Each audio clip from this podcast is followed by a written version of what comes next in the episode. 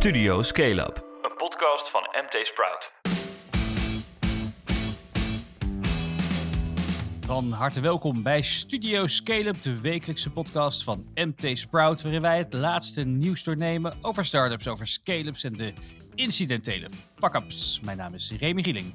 Ik ben terug van vakantie. Philip Buters is ook weer terug. Ja, in Rome zijn geweest. En ja, het is al twee weken geleden, dus ik ben echt weer aan vakantie toe. Of pensioen. Nee, nee, nee, hou op. Nee, kom op man. ik bedoel, als je als, je als 73-jarige president kan zijn, en zo viriel als... uh, Sloppy Joe, Sleepy Joe. Sleepy Joe. Nee, ik moet het nog even volhouden. Ik moet nog even volhouden. Ja, ik, ik, ik, heb, ik ben maar een weekje geweest. Maar het voelde als twee. Dus dat, dat, dat, dan heb je wel een goede vakantie gehad. Ja, waarvoor uh, geld? Waarvoor geld?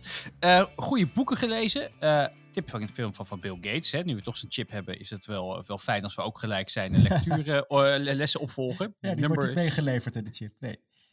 het e-book variant. Numbers Don't Lie van uh, Václav Smil. En, uh, en, uh, en, ja, voor mij komt hij uit Tsjechië oorspronkelijk. Tegenwoordig Emiratus hoogleraar in, in, in Canada ergens. Heeft 40 boeken op zijn naam staan. En deze, ik moet zeggen, is wel heel fijn. Het is een soort, als je van de slimste mensen houdt. Nou, dit staat vol met feitjes over de wereld. En ik ben nu bezig met het boek Powerplay Wall Street Journal journalist Tim Higgins over de onstuimige ontstaan van Tesla. hey, eindelijk een, een, een nieuw... Uh, ja, het, vorige, het boek ging natuurlijk over Elon Musk zelf, maar dit, dit ja. gaat over Tesla. Ja, die, dat, dat is net die biografie van Ashley Vance geweest. Uh, nu, ja. nu, zit Walter Isaacson erop. Hè? Uh, maar, de, maar hij heeft, zit dus wat meer op de achtergrond van het, uh, van het bedrijf. Ja, en hij is een ruzie in het begin, toch? Ja, oh, heerlijk, heerlijk. Het is echt gewoon inderdaad eh, een soort, een soort de, de, de privé voor ondernemers is dit. Ja, Musk heeft die oprichter eruit gewerkt uiteindelijk. Dat was te ja. Ja. En, en, dit boek is ook een stuk kritischer bijna wel dan, dan eigenlijk dat boek van Vance. Dat was meer een beschouwend, beschouwing van Musk. Uh, en dit is echt wel, hij is wat gaan graven in de, in de krochten van het bedrijf. Dus ja, ik, spreek, ik, spreek, ik spreek hem binnenkort. Ik ben ja. benieuwd wat, hij, uh, wat, wat, wat, wat hij er vooral aan heeft geleerd. Want van Isaacson hoeven niet echt heel veel kritisch te verwachten, toch? Jeetje, ik bedoel het was prima, die biografie van, van Steve Jobs bijvoorbeeld, maar echt een soort hagiografie. Man komt niet ja, nou ja, en dat laatste boek van hem, de Codebreaker, was dus echt oerzaai. Dat was, dat was, dat was jammer. Dat was jammer. Hey, en jij uh, had ook weer een, uh, was weer druk bezig geweest. Je sprak met. Jacqueline ja, ja. van de Ende. Ja, ja, ja, want er zijn allemaal collega's op vakantie, dus ik mag uh, gewoon het, het edele voetenwerk doen met de poot in de modder. Dat was leuk. Ik heb Jacqueline van de Ende, die kun je kennen als partner van Peak Capital. Ja. tot begin dit jaar. Maar die Niet heel lang, hè? Even een jaartje of zo? Ja, ander, anderhalf jaar. Anderhalf, jaar. jaar. Maar ze liep al langer, zijn ze rond met het idee van... ja, ik moet toch mijn carrière meer in het teken stellen van, um, van het, het, het, het, klimaat. De klimaatramp, tegengaan oh, ja. de klimaatramp. Nou, gaat ze nu echt... Uh, she puts her money where her mouth is. Ze is begonnen met carbon equity. Dat noemt zij een fintech-platform. Nou, aan die fintech en die techkant wordt hard gebouwd. Maar wat het nu is, wat het principe is, ze wil kleinere beleggers, particulieren toegang geven tot echt direct investeren in klimaattechnologie. Dus oh ja. dat is het terrein van venture capital, private equity, hè, grote ja. fondsen waar je met een family office instapt. Of als je miljoenen hebt, stap je daar ook rechtstreeks in. Ja, het is ook zegt, veel, ja, ja, het is veel geld nodig. Ja, dus ze begint, het is vanaf 100.000 euro, dus zo klein als belegger ben je niet, maar die drempel moet omlaag. En zij zegt, ja, je kunt wel in een beursfonds stappen, maar dan worden andere beleggers rijk van je. Uh, je kunt ja. het aan, aan, al die retailfondsen overlaten, maar ja, dan beleg je een eurotje en het, het gaat alleen maar in de zakken van anders. Hij wil dat het rechtstreeks naar die bedrijven gaat die echt het verschil maken, die echt impact maken. En um, zij bundelt dus echt die dingen. Lijkt een beetje op crowdfunding, dus zij bundelt, je kunt vanaf een ton inleggen, dan bundelt zij die pakketten tot, tot 10 miljoen, zeg maar. Het zijn de eerste projecten. En die zet ze dan uit bij de echte VC-fondsen die, die op klimaattechnologie uh, ingaan. Nou, ja, zij, zij, heeft er zelf 1,2 miljoen euro opgehaald om, om het project te starten. En ja, om het bedrijf verder te ontwikkelen. Ze is een ah, van de vier ja. medeoprichters. Ze moet die technologie ontwikkelen, want die technologie moet ook helpen om uh, mensen die daarin stappen, om, om die drempels te verlagen. Ook om, als je in carbon equity stapt, om ook uh, die aandelen een beetje verhandelbaar te krijgen. Ja, wat, wat, ik zat er wel een beetje te denken. Ja, het, het, het, het weet je, het is, het, is, het is serieus geld natuurlijk. Maar het is niet, het is niet heel veel. Ik denk zelf dat zelfs als Sievert van Liende op dit moment een, een, een rondje langs de velden zou doen, dat hij nog 1,2 miljoen zou kunnen ophalen. Ja, wat is ook de fase waarin ze zit. Ze heeft nu bewezen met, met een eerste ronde dat ze inderdaad dat er appetite is. Dus dat, dat particuliere. Het zijn ook vooral sproutachtige ondernemers hoor. Die gewoon een eerste exit hebben gemaakt. Die hun investeringen een beetje willen spreiden. Niet echt met miljoenen tegelijk in klimaattechnologie rechtstreeks willen stappen. Maar ja, als ze een paar ton kunnen overmaken naar, naar carbon equity. En dat wordt dan weer doorgesluist naar, eh, het was uh, 2051 of zo, een groot Europees fonds. Dat dat ook op zoek is naar, naar bedrijven die CO2-besparende technologie ontwikkelen. Als dat kan, dan is dat, daar is echt vraag naar. Dat is bewezen. Nu moeten ze verder bouwen en zorgen dat het meer geautomatiseerd wordt ja, en op termijn komen natuurlijk ook tokens aan te passen misschien. Maar, maar het, is geen, het is geen blockchain ding of zo. Het is, het is, en het is wel echt de eerste of een van de eerste die zorgt dat uh, kleine beleggers toegang krijgen tot die private markets. Wat nu echt een beetje het alleenrecht is van de family offices, ja. de instituten, de pensioenfondsen. Hey, en ik zag, uh, ik zag op LinkedIn nog uh, Constantijn iets plaatsen. Vond ik wel een leuk, uh, leuk bericht. hou, dat was een onderzoek van McKinsey. En voordat je in slaap valt, Nee, is oh, oh. wacht, wacht, want het is echt, het is echt een goed onderzoek. Uh, en het heet A Winning Formula: How Europe's Top Tech Startups Get It Right. Uh, is gepubliceerd op 18 augustus, dus hartstikke vers van de pers. En het is echt een deep dive in uh, de uh, ja, strategische fundamenten waarom dus bepaalde Europese uh, startups en scale-ups het zo goed doen. Ja, ze hebben er duizend, hebben ze er, zie ik, ja, nu, hè, duizend onderzocht. Wat zijn de lessen? Wat zijn de takeaways? Wat zijn nou, de succesfactoren? Dat wil je altijd weten. Ja, dat is natuurlijk altijd de, de, lekker uh, fijn, fijn kort door de bocht. nee, allereerst de les is dat ze prachtige grafiekjes kunnen maken. Het is echt een lust voor het oog. Maar wat er bijvoorbeeld in staat, is uh, uh, dat, dat, dat, dat deep tech dus zo'n echt, echt, echt een, een inhaalslag aan het maken was. Vroeger natuurlijk vooral de platformen en de netwerken en, en, en, en, en, en, en dat het product heel belangrijk is. Maar tegenwoordig is dus echt dat, dat, dat, dat, dat deep tech en ook het talent wat dan van de top 100 universiteiten komt, dat dat echt een, een, een, een, een, een differentierende factor is, is geworden. Ja, inderdaad. Dat je, je hebt ongeveer, om een miljard te realiseren, heb je ongeveer 100 tot 200 miljoen funding nodig. Dus Jacqueline moet er nog een paar, moet er, heeft nog, heeft nog uh, 199 miljoen te gaan voor uh, op weg. Nee, nee, nee, ze hoeft het geld niet zelf. Nee, nee, nee. Als okay. dat model van haar werkt, dan, dan ja, zij ja, zij ontsluit eigenlijk een enorme pot aan, aan privé-kapitaal, particulier kapitaal, voor die private markets, voor die, die private equity en, en venture capital markt. Echt, nee. Nou, we, we linken er alles in, uh, in de show notes. Hey, waar gaan we het vandaag over hebben? Ja, groter nieuws. Marcel Boekhoorn, die casht op de Hightech Campus in Eindhoven. Mooie deal. Dan sprak ik zelf ook de oprichters van Joost. Als je het niet kent, ken je het niet. Maar als je een beetje met WordPress werkt, dan ken je het wel. Het is een SEO-plugin. Die hebben de tent verkocht aan Amerikanen. Dan slechter nieuws, Ziel, eerder Zielware van Marleen Vogelaar. Uh, het Nederlandse dochterbedrijf is uh, failliet gegaan eerder deze maand. En dan hebben we ook slecht nieuws voor een deel van ons publiek. OnlyFans stopt met porno. Ah. En dan roepen wij, what the fuck? Ja, en wat ze wel gaan doen, dat hoor je zo meteen. We gaan beginnen.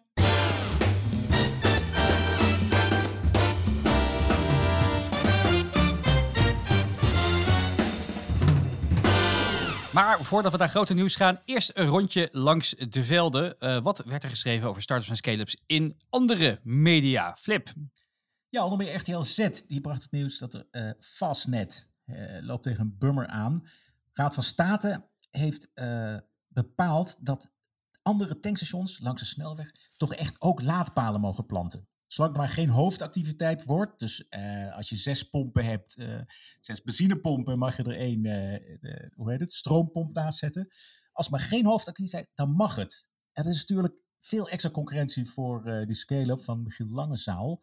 Want die is vast net nou juist begonnen met een paar exclusieve vergunningen. Zij mochten die laadpalen langs de snelweg zetten op bepaalde plekken, maar nee, helaas. De komende tijd kunnen we echt meer laadpalen verwachten bij meer tankstations.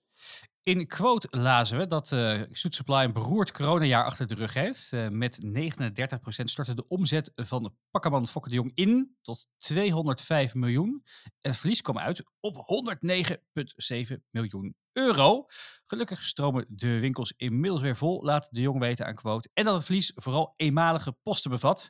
Wat wel een beetje tegenviel, is dat de online omzet maar met 5% was gestegen in 2020 en maakt nu een kwart uit van het totaal. Ja, dat in zo'n coronajaar prima dat die winkels dicht zijn, maar dan moet het online toch echt exploderen. Maar nee, het is 55 miljoen, hartstikke mooi, maar veel meer ook tegen.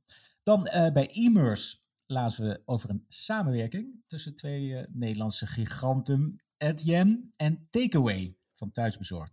Die slaan de handen in één en die komen met een betaalkaart. Dat is een soort tankpas voor eten. Dus het idee is dat bedrijven, zakelijke klanten, kunnen die pas aan hun werknemers ter beschikking stellen. En dan kunnen ze met die Takeaway Paycard zelf eten en drinken bestellen en betalen bij een hele hoop restaurants. Dus dat kon al uh, via de app, maar dat was online bestellen, laten bezorgen. Nu kunnen ze dus gewoon echt uit eten met de tankpas zonder gedoe met bonnetjes.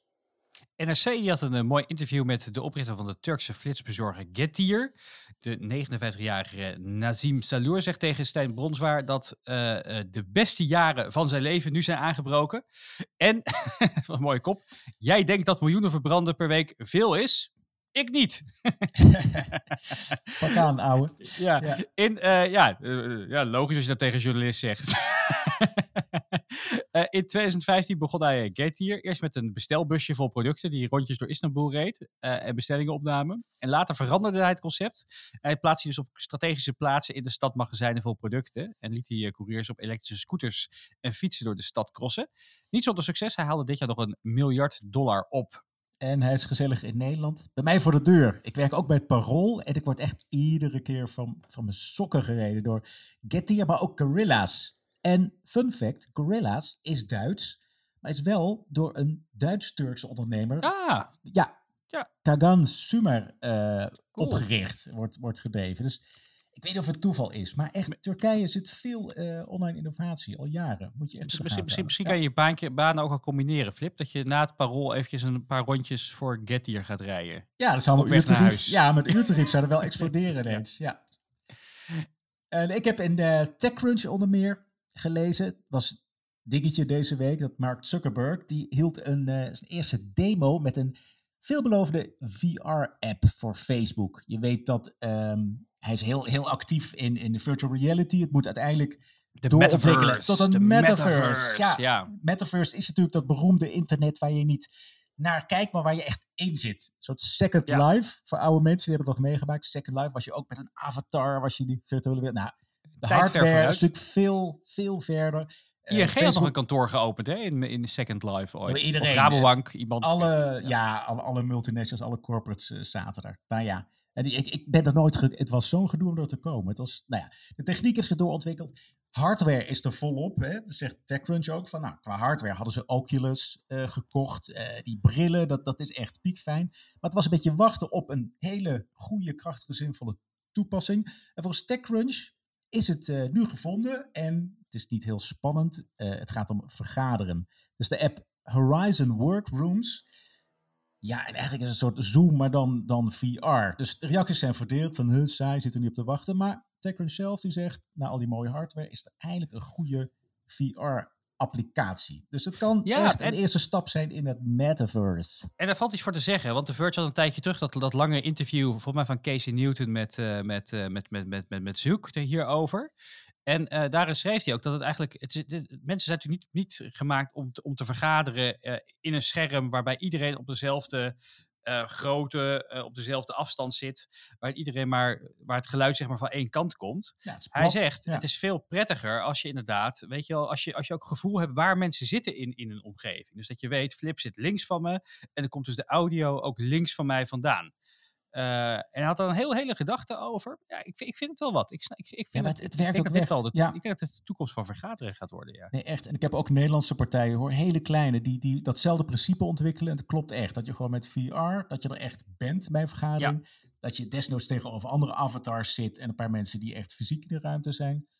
Ik geloof het echt. En die Nederlandse partijen die ik sprak, die zijn er echt te klein voor om dat helemaal goed, lekker eh, te ontwikkelen. En ook zorgen dat dat de standaard wordt. Nou ja, Facebook hebben- is dan en- wel zo'n partij. En ze hebben zelfs dan ook weer het, eh, traditionele vergaderen ge- ge- geïntegreerd. Hè? Dus als mensen dan niet die VR-functie hebben, maar gewoon via een, een Teams-vergadering Ja, inbellen, dan zie, je het, dan zie je dus die Teams-meeting op in, in VR, alsnog aan het eind van de, van de tafel waar je met z'n allen Ja. virtueel aan zit. Ja, het is super hybride. Dus dan heb je inderdaad eh, Zoom, Teams, eh, je VR, je avatars en dan een tafel met dan degene die voor de koffie zorgt waarschijnlijk. The Verge had ook beslag gelegd op, op de mailwisseling tussen Apple en Epic Games, hè, de, de maker van, van, uh, van Fortnite die Apple had aangeklaagd op de woekertarieven die in de App Store zouden worden gevraagd. Uh, en ja, het is echt gigabytes aan tekst. En daar hebben ze met z'n allen zitten ingraven. Het ging over bedrijven als Microsoft, Sony, Google, Netflix. Um, en ook over hele andere dingen dan de App Store. Zo had uh, Apple blijkbaar ook plannen voor een iPhone Nano ooit. En overwoog Steve Jobs om de versie van iMessage ook voor Android beschikbaar te maken. Maar hij vond dat lock-in van het Apple-universum toch belangrijker. Leuke, leuke dirt. Leuk om, uh, leuk om te lezen. Echt gaaf. Ze hebben echt meer dan 100 ja, echt. Weet, feitjes, hele... hè? Allemaal geen. Ja, maar ook rare dingen. En Jobs komt er nog in voor. Tim Cook natuurlijk ook. Um, en eigenlijk dat die grote klanten, ja, die, die dragen helemaal geen 30% af, maar soms zelfs 10 of 12. Eigenlijk had ik dat, wisten we dat al een beetje. Maar nu staat het echt op papier. Gewoon uit die e-mails blijkt dat. En wat ook grappig is, weet je, dat, dat spel Roblox, ik weet niet of jouw dochter ja, zit spelen. stond er ook tussen. Nee, die, uh, dat, heeft laatst hier die, die enorme beursgang gemaakt. En die was dus ook bijna gereject. Uh, uh, want, want dat is eigenlijk een beetje hetzelfde systeem als wat Apple zegt. Als je een app in de App Store zet, dan mag je daar vervolgens geen aanpassingen meer aan maken. Dat je allemaal dingen gaat downloaden on the fly om die app aan te passen. Roblox doet dat kennelijk wel. En ze zijn er dus doorheen gekomen in 2017 doordat uh, uh, die dag uh, de Apple's Executive Review Board geen meeting had gehouden. Ze zijn echt door het oog van de naald gekropen. Ja, dat, hun, hun successen hingen aan een zijden draadje. Ja, wat het beeld is dat Apple echt alleen maar bezig is om, om mensen buiten de deur te houden die met een omweg toch omzet genereren via de apps, games het leven zuur te maken.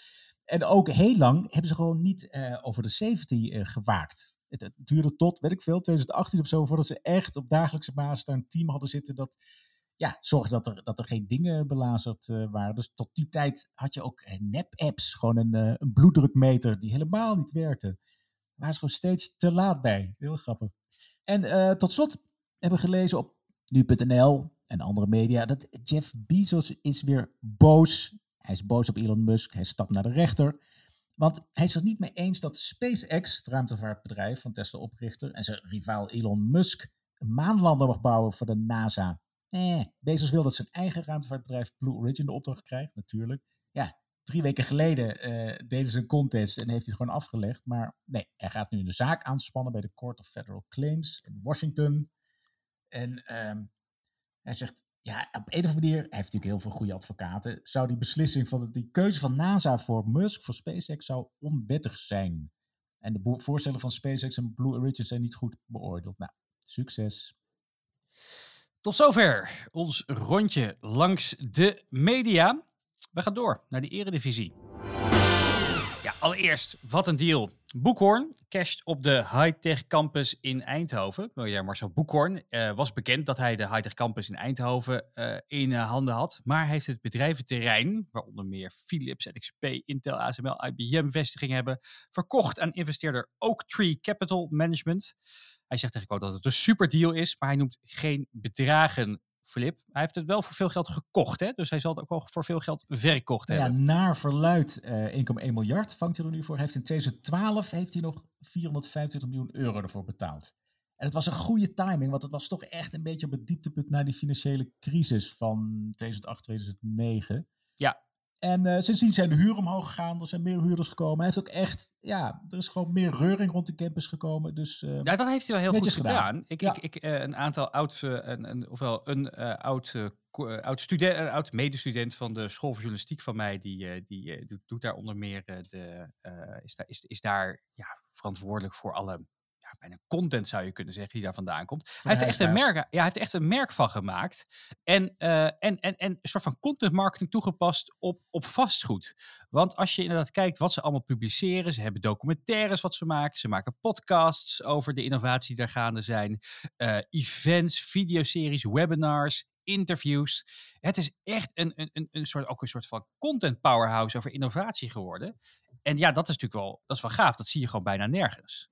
Ja, het is heel mooi. Het heeft natuurlijk een hele mooie historie, dat bedrijf. Want het was gewoon van Philips. Het was gewoon het terrein van het Philips Natlab. Waar oh ja. Philips kantoren stonden. Uh, op een gegeven moment ging Philips uh, de boel toch verhuren aan derden. Dat was al vanuit die gedachte van open innovatie. Dus wij verwelkomen zelfs concurrenten op ons terrein en dan kunnen we fijn samenwerken. Nou, het was gewoon een goede vastgoeddeal. Uh, dat ging heel goed lopen. En of er nou echt veel innovatie gebeurt, dat, dat mensen elkaars buurman zijn, dat, eh, dat, dat valt wel mee. Maar het is echt een, een succes geworden. Dus die naam Philips is eraf. Het is nu dus gewoon de Eindhoven, Hightech Campus Eindhoven. Ja, Boekhoorn uh, is natuurlijk bekend geworden van, uh, van Telfort ooit. Die deal die hij had verkocht aan KPN. Ja, soort, dat heeft heel goed gedaan. Want eigenlijk, dit is een mooie deal. Verdubbelen in tien jaar. Nou, eigenlijk, dat is nog niks vergeleken bij wat hij met Telfort heeft af, uitgehaald. Dat, dat kocht hij zich voor voor 25 miljoen werd dat ooit verkocht aan een private equity partij, Waterland en Boekhoorn. Dus je stapte ieder voor de helft in. Een jaar later betaalt KPN er zoveel voor dat Boekhoorn zelf er al 325 miljoen overhield. Dus dat is eigenlijk bijna maar hij is, maar hij is groot geworden, dat is wel heel grappig, met Bakker Bart. Ja, ja. Dat is wel echt zijn eigen onderneming volgens mij. Hè? Een flinke keten is dat, uh, ja. is dat eventueel uitgebreid. Ja, en Telfort was ineens van, wie, nou, met Telfort werd hij meer de, de super-investeerder. Met, met een goede neus voor, uh, voor snelle en, en best profijtelijke ritjes, uh, mag hij, had, uh, hij heeft ook die, die, die, die bekende BV-naam, hè? Bo, Bo, Bo Wolar. Boekhoorn wordt lachend rijk. Ja, ja lachen. en heeft veel hobby's, toch? Hij heeft, uh, hij natuurlijk uh, dat dierenpark in, de, in, in Apeldoorn. Ja, met zijn uh, kantoor boven het apenverblijf. Hij kan, kan ja. de apen voederen vanaf zijn, vanaf zijn werkkamer naar verluid. Boven de gorillas heeft hij NEC als NEC als hobby. Ja. Het al eerder over gehad. Het bodemloze put, maar daar gaat hij nu nog meer in investeren, zodat het de Eredivisie... En, en hij heeft ook altijd verschillende vriendinnetjes, toch? Had hij niet met Hint op een gegeven moment, die zangeres? Ja, dat is natuurlijk niet zo inclusief. Maar ik heb ze opgezocht, even het rijtje. Het begon met Tatjana Simic. Toen Hint. Volgens een gerucht hebben, hebben ze het geprobeerd met Estelle Kruijf. Dat werd niks. Maar nu is hij toch gelukkig met Rebecca Cabau van Kasbergen. De zus van... Um, hoe heet ze? Oh, uh, ja, uh, van uh, Jolante. Jolante. Ja, Jolante. Hè, sorry, Jolante. Ja. Ja, nou, ze zullen het... het, het, het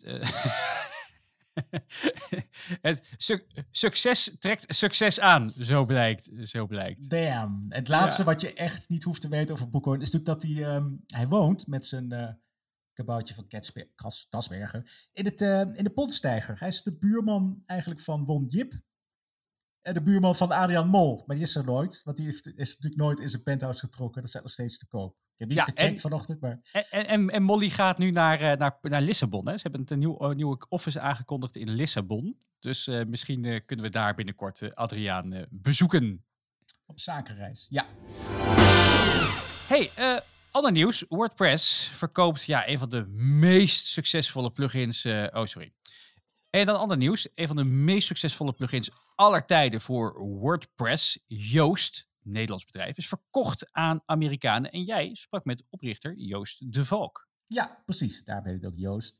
Ja, het is, je, kunt, je kunt klein zijn en toch heel groot. Hè? Dus je hebt WordPress. Nou, dat was uh, tien jaar geleden was het een kleine open source dingetje. Nou, inmiddels draait 40% van de websites erover. Ongelooflijk. Heb, heb, je daar plugins, dus aanvullende software die dan handige dingen doet, formuliertjes en marketingdingen binnen WordPress. Nou, zijn tool is een SEO-tool. SEO, zeggen ze heel consequent. Wij zijn gewoon SEO, toch? Ja, SEO-tool, SEO. nou, je houdt bij dat de tekst die erin klopt, dat die een beetje goed vindbaar is door Google. Dus uh, dat alle keywords er vaak genoeg inkomen, dat de zinnen niet te lang zijn, want oh jee.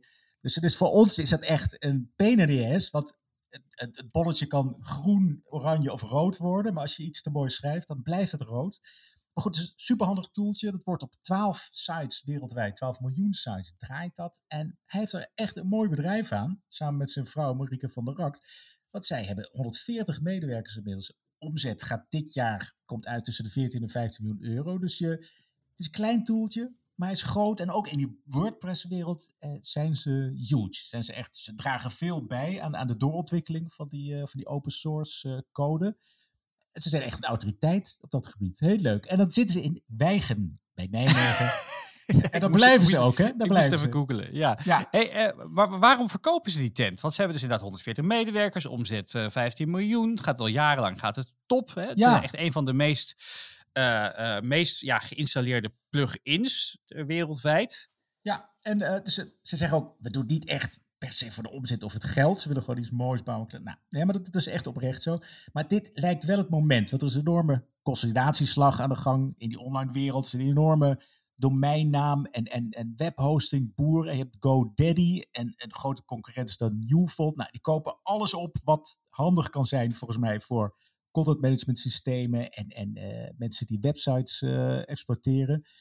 En ja, in die consolidatie zijn zij natuurlijk maar een heel klein wijgenspartijtje tegenover partijen die straks ook onderdeel zijn van, van die conglomeraten met hele diepe zakken. Dus Joost en Marieke zeggen, ja, moest een keer gebeuren. Eh, misschien hadden we nog met private equity een ritje kunnen maken, hadden het voor meer kunnen verkopen, maar wij gaan toch voor, ja, toch een beetje voor, voor de veiligheid van, nou, we kiezen nu voor die grote partij. Kunnen wij ons ding doen, maar dan beschikken we wel over diepe zakken en ook een, een, een vangnet en een partij die alle juridische, fiscale en HR-rompslomp uh, regelt, die echt bij zo'n wereldbedrijf hoort. Want een deel van de werknemers zit natuurlijk overal en nergens. Terwijl er honderd in het zitten, de rest zit, zit overal. En de klanten ook. Wat ik wel uh, opvallend vind, zijn eigenlijk twee dingen. Eén, ik ben heel erg benieuwd wat dit gaat doen voor het businessmodel. Joost is groot geworden omdat de basis gratis is. En uh, je kan dan vervolgens een, een, een, upgrade aanschaffen voor, ik geloof, iets van 90 uh, euro per website die je, die je hebt. Per jaar, ja, 89. Ja, en ze hebben nog een academy. En ze zullen zoals dat aanvullende verdienmodelletjes hebben. Maar waar ik dus zo uh, verbaasd over ben, is dat er, uh, er is één heel groot bedrijf, dat is Automatic. Dat is het, uh, het, het, bedrijf eigenlijk achter WordPress. Ja, dus we leveren dus de software voor WordPress gratis. Ja. Ja. En dan dus, was ja, wel meer van die open source bedrijven zijn er groot mee geworden. je verdient er vervolgens aan de consulting en, en support voor, voor de grote corporates. die kopen ook alles wat los en vast zit. Hebben heel erg veel, heel veel overnames gedaan de afgelopen jaren. bekende bekende namen zijn bijvoorbeeld de, de, de software van WooCommerce voor, voor, voor e-commerce, Pocketcast voor podcasters. Jetpack is om een beetje snelheid eraan toe te voegen, volgens mij. Tumblr hebben ze gekocht van Yahoo. Ja. Slechtste deal van Yahoo aller tijden. Gekocht voor een miljard plus en verkocht voor een miljoen plus, geloof ik. Uh, en, en, en ze Eigenlijk zijn ook ze full remote. Ja, ze zijn ook full remote. Leuke, leuke oprichter. En ik had ja. echt gedacht, nou, als iemand uh, Joost zou kopen, dan ja. zou het uh, Automatic wel zijn. Ja, daar hebben ze zelf natuurlijk een antwoord op. Sterker nog, um, Joost van de Valk, van Joost, die heeft zelfs een halfjaartje is die CMO, is die marketing, uh, marketinghoofdvrees bij WordPress zelf. Maar dat was een uitstapje, ze zijn er best open over, ook toen. Uh, na een half jaar is hij van teruggekomen, want het was niet duidelijk wat zijn taak was. En ze wilden echt niet, niet zijn kant op, zoals, zoals, zoals hij het uh, wilde. Dus na een half jaar was hij gewoon weer terug bij zijn eigen bedrijf. Was inmiddels zijn vrouw was uh, CEO, maar dat is ook gewoon gebleven. Dat doet ze heel goed. Maar zij zeggen nu, ja, wij zijn een grote onafhankelijke partij die bijdraagt aan WordPress. Um, en we zijn een SEO-tool. Als wij nou onderdeel worden van Automatic, dus van WordPress zelf in feite, dan zijn er tegenstrijdige belangen, want een SEO-tool wil andere dingen dan uh, het CMS zelf. En dan verlies je die onafhankelijke bijdrager. Dus dan ja, voor de WordPress community zou dat, zou dat meer een verlies zijn. Ze hebben tien man zitten die gewoon op dagelijkse basis bijdragen aan, aan, aan die code. Um, en of dat een. Ik denk, ja, ik weet niet eens of ze het serieus overwogen hebben. En het is ook jammer, we weten niet hoeveel ze krijgen. Ze hebben belang van driekwart van het bedrijf, hebben ze genomen. Over geld, ja, gaat het niet zo. En voor die Amerikanen is die 15 miljoen is ook peanuts natuurlijk. Die zijn nu omzetten. Maar het gaat meer om hun kennis en hun contacten en hun dat ze heel diep, heel dicht op WordPress zelf zitten. Dat kan waardevol zijn. En ik denk eigenlijk stiekem ook wel die data. Want als je natuurlijk bent geïnstalleerd in, uh, nou ja, we zeggen misschien 20% van 40% van het internet. En je kan daar data over verzamelen over, over die websites en, en de snelheid van die websites. En misschien nog wat andere dingetjes van de bezoekers. Als het allemaal kan hè, binnen de GDPR-wetgevingen. Ja, Dan is dat voor webhosters natuurlijk super waardevol. Dus ja. nou, Misschien zit daar nog een, eh, een extra bonus in. Ja, want Joost en Marieke zeggen nu van, nou, de contracten zijn rond, er is, uh, maar we hebben nog niet nagedacht over hoe we dat allemaal in praktijk gaan brengen. Die, die, die synergetische voordelen en marketingvoordelen. Laatste leuke feitje over het bedrijf. Ze hebben ook uh, grappige namen voor al hun kantoor, voor al hun vergaderzalen, toch? Ja, heel grappig. Dus de baas, Joost was eerst de baas, voordat hij dat uitstapje naar, naar WordPress zelf maakte. Hij zat in Darth Vader. Maar toen kwam hij terug en toen zat Marieke natuurlijk in Darth Vader. Dus waar zit Joost zelf? Zijn kamer heet Prinses Leia. super, super, super inclusief. Super inclusief. Echt waar. Dit is een leuk bedrijf. In onthouden. Dan minder leuk nieuws. De Nederlandse tak van Ziel, de starter waarmee Marleen Vogelaar kledingproductie wil verduurzamen, is failliet. Vorig jaar hadden ze nog 4 miljoen euro op bij Nederlandse investeerders. Maar die draaiden volgens RTL Z de geldkraan dicht. Toen bleek dat het geld naar de VS vloeide. En uh, Ziel zijn milestones niet haalde. Flip, wat is hier aan de hand? Ja, Ziel is eigenlijk een heel mooi bedrijf. Marleen Vogelaar, die was een van de oprichters van Shapeways. Is dat, dat 3D print service. En zij is er weggegaan met het idee van ik kan die principes van die 3D-print-industrie, uh, on-demand en vaak lokale productie, wil ik gaan toepassen op de mode. Want mode is natuurlijk heel uh, vervuilend, veel uitval, veel... Nou, als ik nou zorg dat dat lokaal geproduceerd kan worden, on-demand, minder verspilling, minder vervoer, daar is ze mee begonnen vanuit Amerika. Dat was een paar jaar actief. Toen kwam ze ook bij Sprout op de radar, ze ook challenger geweest. Toen ging ze ook in Nederland uh, beginnen. En daar heeft ze dus investeerders bij gevonden. Onder meer Borsky Fund van uh, Simone Brummelhuis. Die investeerders zijn vorig jaar ingestapt. En ze, ja, het was een beetje een operatie. In Amerika draaide het al een paar jaar. In Nederland ging ze een mooie fabriek neerzetten in Groningen. waren er allerlei plannen. Toen kwam corona ertussen. Dat zegt nu ook de curator. Corona uh, ja, groeide roet in het eten, zoals het dan heet. Maar die investeerders die hadden de eerste tranche overgemaakt. Dat zou 2,2 miljoen zijn. Maar die zagen nu dat een deel van het geld al naar Amerika werd gesluist. Dus die trapt op de rem. Die zeiden dus, nou, jullie hebben de milestones niet gehaald, dus we gaan niet bijstorten. En we willen dat geld uit Amerika terug, want we gingen een Europese en een Nederlandse operatie steunen. Ik weet niet of daar grote ruzie over is geweest, maar ja, einde van het liedje is dat uh, de Nederlandse operatie niet meer liquide was. En ik geloof begin juli is daar al uh, voor aangevraagd. En dat is ja, jammer, want het principe klopt, denk ik wel. Maar de grap is wel, het is vergeleken bij de 3D-printing is het heel erg low-tech. Dus um, die productiefaciliteit tot nu toe, dat, zijn gewoon naaiateliers. Er zitten gewoon in Amerika een hoop dames achter de naaimachine. Dus het is niet zo geautomatiseerd en het is niet... Maar goed, die kant moest het wel op. En dat gaat er nu in Nederland in ieder geval voorlopig niet van komen. En het interessante ervan is, misschien is het een stok om de hond mee te slaan, maar het gaat dus om die milestones daar maken andere mensen zich uh, ook uh, kwaad over. Waarom moet je nou milestones afspreken? Als je echt gelooft in een bedrijf, stel je 4 miljoen ter beschikking en dan ga je aan het eind van de rit, of als dat verbrand is, ga je nog eens kijken of je, of je wilt bijstorten. Dus uh, Paul Veugen, ken je die, van Usabilla, zelf ook angel-investeerder, heeft goed gecashed met Usabilla. Die reageerde ook meteen op ons bericht. Die zei ook van, ja, milestones, kom op, als je erin gelooft, investeer je, geen niet over de milestones. Maar ja, nogmaals, het was corona en milestones en het feit dat er geld naar Amerika uh, werd gesluist, wat, wat toch bedoeld was voor Nederland.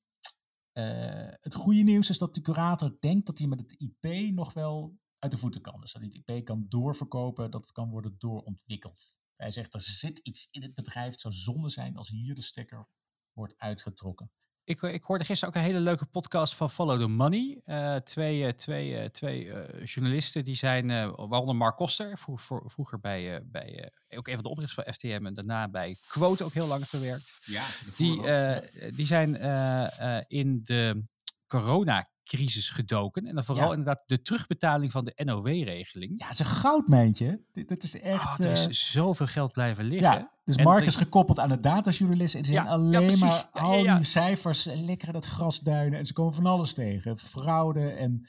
Ja, e e eentje, eentje was heel opvallend. Er zijn dus, dus blijkbaar een uitzendbureau met nou ja, gewoon bijna geen werk. En die heeft uh, gewoon bij NOW 1 3 miljoen teruggevraagd ja, 3 miljoen NOW gevraagd en gekregen. En die hebben daar gelijk een pand voor gekocht van, een, van 8 ton, contant afgerekend. En, en, hij, en hij is daar ook langs gegaan en er zit gewoon niemand. ja, het is, uh, het is een kommer en kwel. En, en andere, andere, die, het andere, ja, anderen die kunnen, die kunnen het niet terugbetalen. Dus die hebben, die hebben 5 miljoen op een rekening. En een van de autodealer die heeft iets van 5 miljoen op een rekening staan. En die willen dat terugbetalen aan, de, aan, aan, aan het UWV. En het UWV zegt, ja, dat kan niet. We weten niet wat we ermee moeten. Ja, gewoon brieven gewoon op papier. Mogen alsjeblieft ja. terugbetalen. En wat echt terechte kritiek is, tuurlijk, in het begin moest er, hè, was, het, uh, was het eh, code rood en moest dat geld moest, uh, uitgestort worden. Maar zijn die echt meer dan een jaar verder. En het lijkt alsof er nog steeds, ja, er wordt nou een boekhouding bijgehouden. Inderdaad. En als je het wilt terugbetalen, dan, dan dat lukt het niet of mondjesmaat. Uh, en die regels zijn nog steeds super soepel. En het controlesysteem Weet je, het is helemaal doorgeslagen. Dus eerst hadden we eh, die affaire met die, met die arme mensen die de kinderopvang terug moesten ja. betalen. En nu zitten we dan al anderhalf jaar wat is het, 7, ma- 17 miljard storten we uit over de ondernemers eh, zonder dat we om een bonnetje vragen. Dat is, Nou, en, en, en, en Frederik eh, de Jong, die de podcast eh, host, die eh, vroeg ook wel terecht van ja, jongens, waar, waarom maken jullie hier nou eigenlijk zo druk om? Want het lijkt wel alsof jullie de enige twee zijn die zich hier heel druk over maken. En alsof niemand anders hier eh, naar kraait. En zeg ik, ja, het is, maar het is natuurlijk wel gewoon publieks geld. Het is, het is, Ja. het, eh, het- eh, andere dingen hadden niet mee gedaan kunnen worden. En ja, je bent als overheid nu wel een aantal slinkse ondernemers, niet allemaal te slechte trouw, maar een aantal wel, eh, ben je wel heel erg aan het, aan het, aan het, aan het, aan het, aan het financieren op deze manier. Ja, en het is natuurlijk geruis, die hoort bij alle regelingen. En in het begin was iedereen het ook mee eens dat het, dat het eventjes zonder bonnetjes mocht. Maar nu we meer dan een jaar verder zijn, ja, het is meer, ik denk, ja, er zijn weer andere dossiers in Den Haag, maar dat, dat duurt ook gewoon te lang, toch? Het had al lang eh, veel strakker gemoeten. En, eh, Ik was, eh, ik was gisteren trouwens bij Dolf Jansen, bij zijn, de try-out van zijn oudejaarsconferentie. Hij is er vroeg bij. En en Siewert van Liende kwam vaak voorbij. ja, ja. En was je het eens met, met de slanke cabaretier? Want die is super geëngageerd, toch? Wat vroeger Ja. links heette. Hij is, hij is nog steeds erg, eh, erg, eh, erg links, maar hij is wel heel goed. Je hebt niet je stoel opgegeten van, van ergernis en razernij. Nee, nee ja, het was wel heel grappig, want eh, ik was de jongste in de zaal. Nou, dat zegt wat.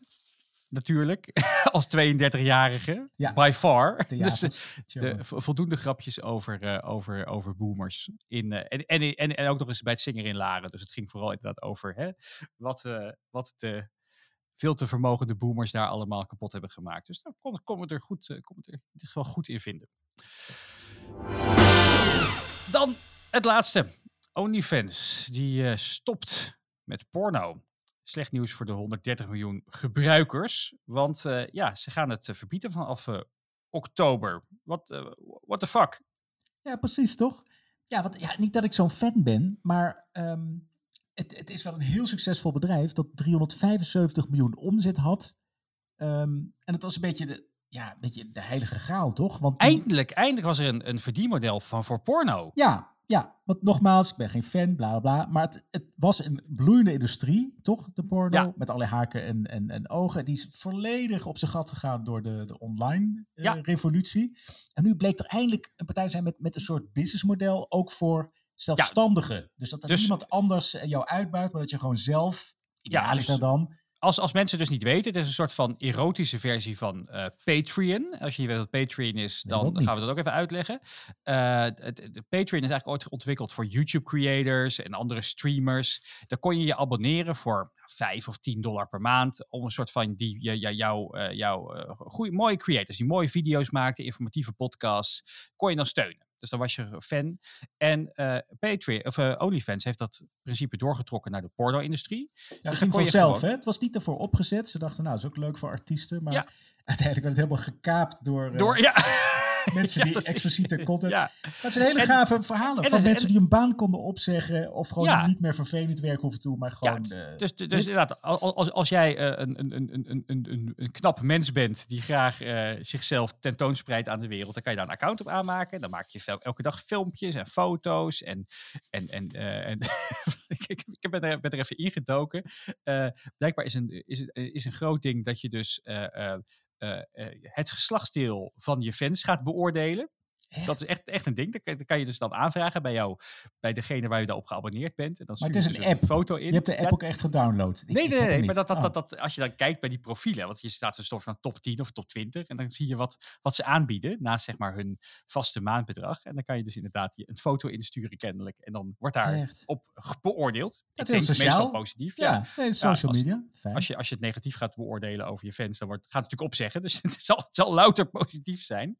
Eh, maar goed, dat, eh, het probleem is dus dat ze zeggen, eh, dat bedrijf, van ja, we kunnen geen financiering meer ophalen. Want financiers willen niet meer in zee met, eh, met, met dit type bedrijf. En banken willen ons ook geen, willen onze betalingen niet meer afhandelen. Nee, nee, het valt onder Waarvan- Vice. Hè? Je, je investeert niet in wapens, Ja. in olie ook niet meer tegenwoordig trouwens.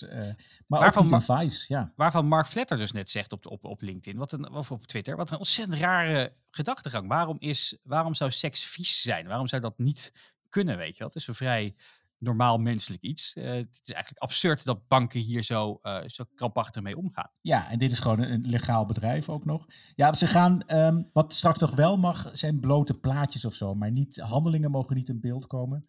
Maar ik snap Ja, ja, niet, ze hebben 350 miljoen omzet. Dus ze hebben een gigantische cashflow. Ze hebben dus echt een, een soort industrie, eh, hebben ze bijna gered. Waarom en- moeten ze dan en een die- miljard ophalen? Ze wilden een miljard, of tegen waardering van een miljard wilden ze geld ophalen.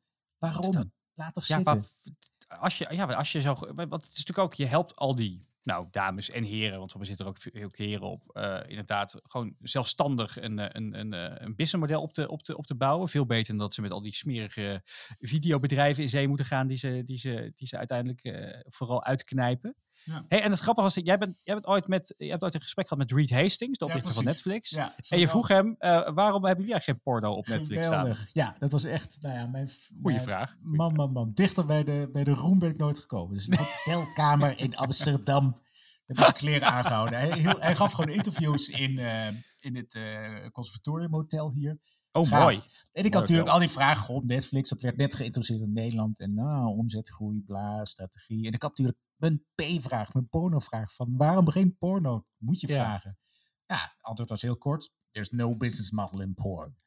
Hij zei, ja, er is geen geld mee te verdienen. Ik kan het wel erop zetten, maar there's no business model in porn. Daarom vond ik het altijd zo gaaf dat deze partij, OnlyFans, dat businessmodel gevonden leek te hebben. Jongen, jongen. En dan gaan ze in feite de stekker eruit trekken. Want hoe, hoe groot word je ehm, als je porno bandt als OnlyFans? Hè? Ze hebben nu een nieuwe app ook uitgebracht vorige week. Die is dan Ja. wel safe for work. Nou, er zijn honderd content creators zitten erop. Ja, en, en een paar duizend. eh, Ja, en ze willen kookvideo's gaan maken. ja, Stond er, hè? En, en, en, health en fitness. En, eh, en, dat is ook wel. Mensen mogen dus wel, mogen wel naakt foto's of filmpjes erop plaatsen. Maar ze mogen geen seksuele handelingen doen. Ja, ja. Nou ja, misschien Dus- dat het dan nog net wel, het zal niet zo huge worden, maar dat, dat, ja, dat er nog je, mensen eh, hun baan kunnen... Misschien gaan ze naakt koken of zo, ja. Maar ja, het zal toch. Ja, het wordt lastig. Het wordt wel Wat lastig. denk je? Hoeveel, Hey, hoeveel verpleegsters en loodgieters nu weer terug moeten naar werk? Hè? Moeten ze gewoon Wat ik, ook, al- wat ik ook wel leuk vond, dat wist ik helemaal niet. Daar zijn we even ingedoken in eh, wie hebben dit eigenlijk opgericht. Nou, dat waren Timothy en Thomas Stokely. Born in eh, 1983. Twee Ja, oprichters. Britten, Ze werden- een Brits ja. Britten. Ja. Ze werden de king of homemade porn genoemd door een, eh, door een blad daar. En ze zijn dus ook ooit, ja, hun, hun eerste business zat hier ook al in. Adult performance website Glam Girls and Customs for You. Nou, ik, eh, ik, ik, eh, ik ken het nog niet, eh, eh, zeg ik maar. Nee, kan wel Moet- voor moet- moet je- webcam moet je- moet je dingen, maar- toch? Ja, Ja. moet je maar op, op mijn blauwe oog geloven. Ja, ik ben gewoon te Eh, krenterig voor al die betaalde dingen, dus ik, ik kom daar sowieso niet. Het is gratis, ja precies. Eh, en hij founded OnlyFans in 2016. En maar in 2018 heeft hij al 75% verkocht aan, eh, aan, een Een eh, Oekra- Oekraïens Amerikaanse zakenman. ja, Leonid Radvinsky. My Free Cams. Klinkt ook heel, heel shady Ah. allemaal. Ja. En, ehm, en, en hij, eh, hij heeft het zelf al goed gedaan. Want hij wordt eh, tegenwoordig wordt zijn vermogen nog steeds geschat op 120 miljoen dollar. Van die Tim. Die Stokely, ja. Ja, en hij woont in een gated mansion apparently. En hij is eh, eigenlijk op twee OnlyFans-accounts eh, ge- geabonneerd. Twee heren. En het zijn allebei rugbiers. Dus eh, wordt vermoed dat hij een rugby-fan is. Ja, of een fan van, van mooie gespierde keels. Mag Maar- ook, mag ook. Maar toch, oké, dus wat is het vervolg? Dat ze nu wel een, tegen een waardering van een miljard geld ophalen? Dat, dat lijkt me ook weer niet, toch? Die waardering Ja, wat die- ik niet snap is waarom zijn ze niet in de crypto gestapt? Want eh, crypto is steeds meer eh, al, alom verkrijgbaar. Dus had dan gewoon een, een crypto betaalservice aangehaakt. En eh, was misschien op die manier gaan, ehm, gaan, eh, gaan, gaan OnlyFans gaan doorgaan. Ik vind, Ja. het, ik vind het jammer. Ik vind Ja, het, want je eh, krijgt het nu weer allerlei schimmige eh, nepversies, toch? Van OnlyFans. Ja, we hadden, we hadden wel we hadden twee hele smerige namen gevonden. Hè, die, ook in de, die ook in OnlyFans en crypto zaten. Dat was cumjunk.com of zo. Ik weet het niet. Het was allemaal heel, het was allemaal heel, heel, heel shady. Zie je, het is net alsof je, of- alsof je de ramen sluit op de wallen, zoals Amsterdam doet. En Ja. dan doet, doet alsof die behoefte niet bestaat. En dan doet alsof niet al die dingen weglekken naar hele groezelige dingen waar gewoon wel mensen worden misbruikt en verhandeld. En, eh, nee, eigenlijk, eigenlijk is het schandalig. Ja, nou, misschien, eh, ja, misschien had ze zich bij Bunk moeten aansluiten. Hè? Bank of the Free. Misschien had hij het wel, eh, had, had hij het wel willen doen. Ik Ja, weet het niet. Ja, ze willen gewoon cashen, dat zal het wel zijn. Ja. Dat is het. Dit was alweer Studio Scale aflevering 20. Vergeet je niet te abonneren op Spotify of je favoriete podcast-app. Vergeet de podcast niet te delen met je ondernemende vrienden en kennissen. En laat een recensie achter in je favoriete podcast-app. Flip, leuk dat je er weer was. Blij dat je terug bent. Famous last words. Ik ga een petitie starten. Uh, porno moet blijven op OnlyFans. .nl. Ik heb binnenkort 130 miljoen handtekeningen. Want dit, uh, ja, en ik heb hem zelf niet hoor, echt. Disclaimer, ik, ik weet er niks van. Ik doe het nooit.